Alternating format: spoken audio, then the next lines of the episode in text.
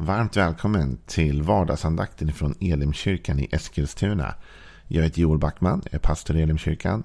Och eh, om du vill ha bättre koll på vilka vi är och vad vi gör, gå in på www.elimkyrkan.com. Gå också in och likea vår Facebook-sida, Elim Eskilstuna. Gå in och prenumerera på vår YouTube-kanal, Elimkyrkan Eskilstuna. Då hittar du all information om oss.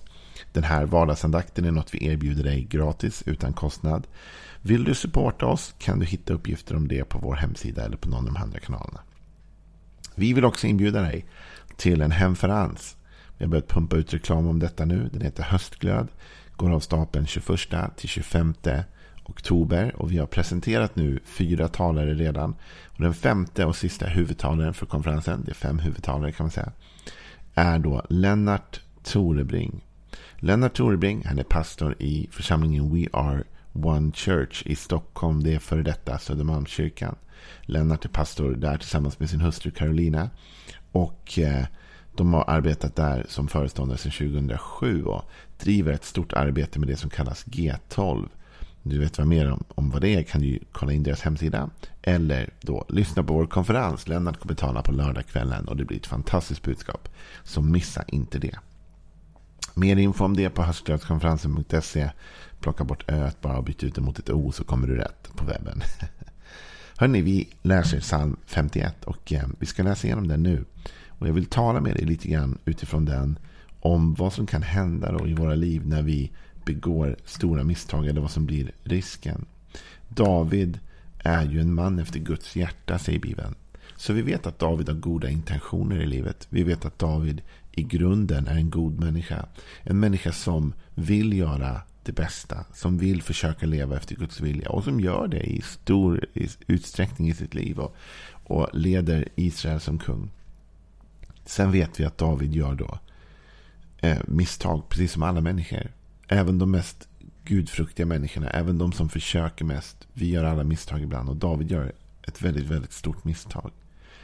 Eh, när han då är otrogen tillsammans med en kvinna som heter Batseba. Och också faktiskt delaktig i att hennes man hamnar i en situation där han förlorar livet.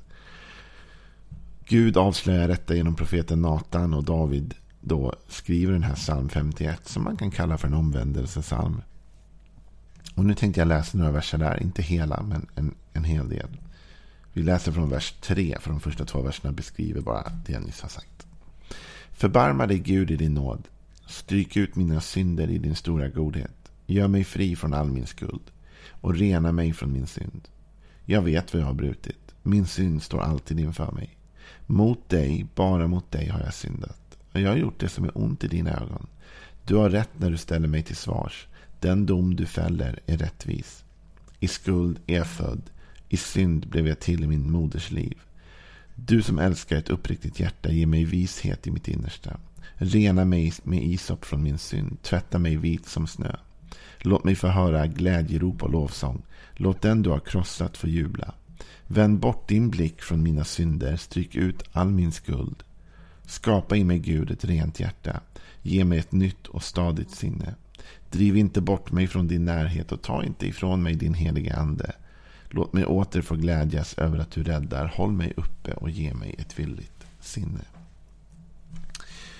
Idag vill jag få stanna upp lite grann kring de här verserna där det står Skapa i mig Gud ett rent hjärta, ge mig ett nytt och stadigt sinne. Driv inte bort mig från din närhet. Och ta inte ifrån mig din heliga ande. Den här salmen sa jag var en omvändelsesalm. Bibeln handlar mycket om omvändelse. Och en del tycker att det är ett jobbigt och svårt ord. Eh, och kanske att oj vad jobbigt att omvända sig. Att be om ursäkt. Men för det första finns det ett par saker om det man behöver veta. Det ena är som David börjar den här salmen med. När han säger eh, i vers liksom 3. Så säger han så här. Förbarma dig nu. Förbarma dig Gud i din nåd. Stryk ut mina synder i din stora godhet. Med andra ord, vi måste veta att den vi ber om ursäkt eller den vi omvänder oss till är god och nådefull. Och att Gud inte är ute efter att sätta dit oss eller trycka dit oss eller att minsann Eh, Gud är inte den där arga gubben uppe på ett moln med en käpp som försöker slå oss. Han är inte det. Utan Gud är nådefull, säger David, och god. Och det innebär att Gud vill, när vi vänder oss i omvändelse till honom så vet vi att han vill förlåta. Jag menar, det finns ju om du ber om ursäkt någon gång kanske du aldrig behövt göra. Men jag har behövt be om ursäkt.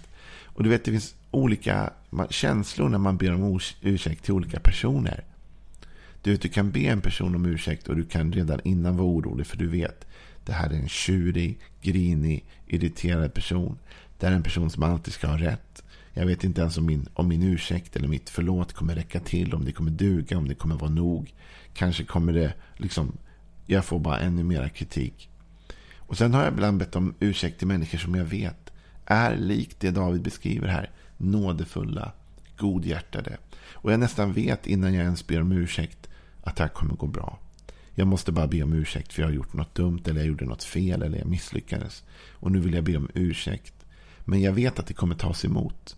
Därför att jag vet att personen jag kommer till har de här karaktärsdragen. Du vet när du kommer till Gud behöver du aldrig vara orolig. Du behöver aldrig vara orolig att Gud ska straffa dig, trycka ner dig. Utan Gud är nådefull och god. Så när vi kommer till Gud så är det den där avslappnade ursäkten som kommer. Den är allvarlig därför att vi vill ju be om ursäkt för vi har gjort någonting fel. Men det är ändå liksom fridfullt därför vi vet att det kommer tas emot. För Gud är nådefull, Gud är kärlek, Gud är god. Det är den ena sidan, att vi omvänder oss till någon som är god och kärleksfull och nådefull. Det andra jag tror att vi behöver få en insikt i är vad som händer om vi inte tar tag i omvändelsen. Vad blir konsekvenserna i mitt liv när jag inte ber om ursäkt? Eller när jag inte vill omvända mig? Finns det konsekvenser av det? Vad kan det leda till? Och så vidare. David adresserar det här.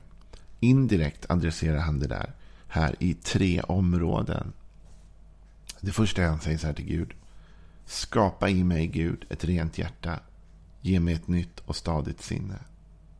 När vi gör någonting katastrofalt dåligt som David har gjort. Alltså ibland gör vi misstag, det är en sak. Men det David har gjort här är mer än bara ett misstag. Han har jagat efter något han inte borde ha jagat efter. Och han har till och med eh, liksom agerat sen på ett sätt som han absolut inte borde medvetet och planerat. Det vittnar om att någonting är trasigt i David. Och om David inte omvänder sig kan det inte lagas.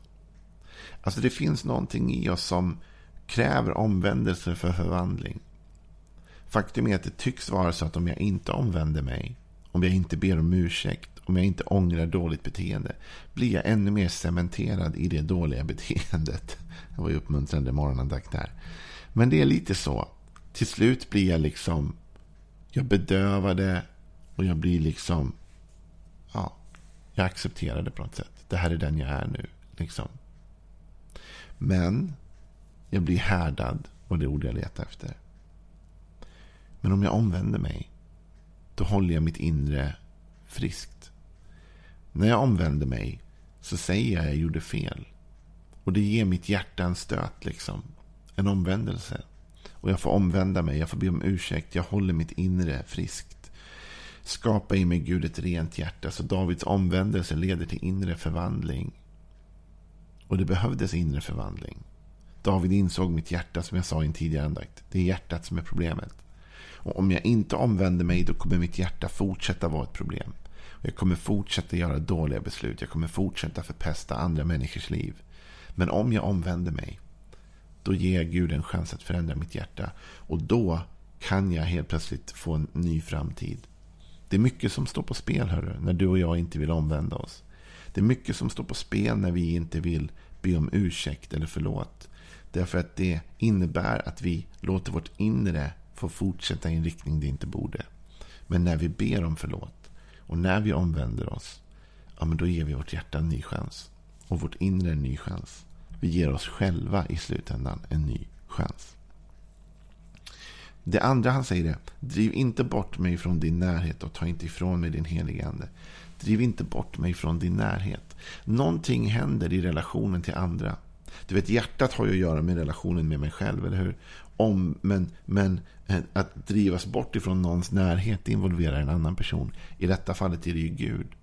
Därför David säger tidigare i den här salmen, det är mot dig Gud jag har syndat. Och du och jag, när vi gör fel mot någon, mot Gud framför allt, är det viktigaste. Men även mot andra människor. Om vi inte omvänder oss eller ber om ursäkt, eller kan acceptera och säga förlåt till någon. Problemet blir att relationer påverkas. Problemet blir att vi driver människor ifrån oss när vi inte ber dem om ursäkt. Du vet, det finns en viss eh, typ av människa som aldrig tycks kunna säga förlåt. Det är bara, det går inte liksom. De hittar på andra ord för det där. Helt plötsligt har de köpt en kopp kaffe eller någonting eller gjort någonting snällt. Men det, och det är deras sätt att försöka säga förlåt. Men, men ärligt talat, vi måste omvända oss ibland. Vi måste säga till varandra förlåt. Förlåt, det var fel. Det var dumt. Jag gjorde ett misstag. Jag omvände mig. Jag vill inte vara sån. Det var dåligt. Och då, om vi gör det så räddar vi relationer. Men om vi inte gör det, om vi inte kan ödmjuka oss inför andra, be om ursäkt, ödmjuka oss inför Gud, be om förlåt, så skadas de relationerna. David säger vi drivs bort ifrån det. Men här omvänder sig David och säger till Gud, jag omvänder mig, jag ångrar mig. Snälla, driv, låt inte det här påverka vår relation. Driv mig inte bort ifrån din närhet. Låt detta inte komma in som en kil mellan oss att jag gjorde det här. Utan nu vill jag omvända mig och jag vill börja om i relationen med dig. Och jag vill att vi ska ha en bra relation. Så David omvänder sig in, inåt mot sig själv. Han ber om ett nytt hjärta.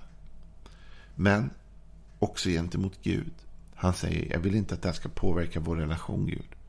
Och det är det som händer när vi inte bekänner vår synd inför Gud. Problemet är inte alltid om du syndar eller gör fel. Problemet är inte alltid om du misslyckas gentemot Gud. Problemet är om du inte omvänder dig. Om du inte ber Gud om ursäkt. Och säger för, förlåt Gud. Och det behövs liksom inga långa omvändelseprocesser. Det är inte så att nu måste du gottgöra mig ett år för detta. Inget sånt. Du behöver bara komma till Gud och säga förlåt. Förlåt Gud. Och som David, liksom, låt inte detta påverka vår relation. Kan vi ta oss förbi detta? Omvänd, jag, jag ber om förlåtelse och jag omvänder mig. Jag tänker inte agera så här igen. Utan jag vill att vi ska ha en bra relation med varandra. Men när vi inte gör det, när vi är för sturska för att göra upp med Gud i den meningen att vi ber om ursäkt, eh, då kommer vår relation med honom att påverkas. Det sista David säger är, ta inte ifrån mig din helige ande. Och det är klart att det har med Gud att göra, det har med relationen med Gud att göra. Men den helige ande kom över människor i gamla testamentet. Nya testamentet är lite annorlunda, men i gamla testamentet så kom den helige ande över människor för tjänst. Så profeten blev smord med ande. Kungen blev smord med ande och så vidare. Det var tjänsterna som blev smorda. Och så här handlar det om att David också vill få tjäna Gud. Och han säger han vill få tjäna andra människor. Så han säger till Gud, ta inte ifrån mig din heliga ande, det kommer påverka min förmåga att göra gott. Det kommer påverka min förmåga att tjäna dig. Det kommer påverka vad jag kan åstadkomma i livet. När vi inte omvänder oss så påverkar det såklart vår relation till oss själva. Det påverkar vår relation till den vi har gjort någonting emot. Men det påverkar till slut i grund och botten också vår möjlighet att göra gott i världen ganska nu faktiskt på nyheterna så rullar det om en person i svensk media som har, eller inte i media men det rullar i media om en person i Sverige som har, har fått väldigt fina renommé och omdömen som nu har det framkommit uttryckt sig extremt opassande under lång tid. Den personen blev igår av med en massa uppgifter, förtroendeuppdrag och så vidare. Hans oförmåga att omvända sig på ett bra sätt har lett till att idag kan han inte längre fortsätta med de arbeten han hade. Det här är inte ens en människa som delar den tro som jag gör. Men det spelar ingen roll. Du vet, om vi inte omvänder oss på ett trovärdigt sätt så tappar vi förtroende inför människor. Och därför skulle jag vilja säga till dig och mig så här idag att det är mycket som står på spel när vi inte omvänder oss. Vi kanske tror att vi inte behöver det, men vi behöver det.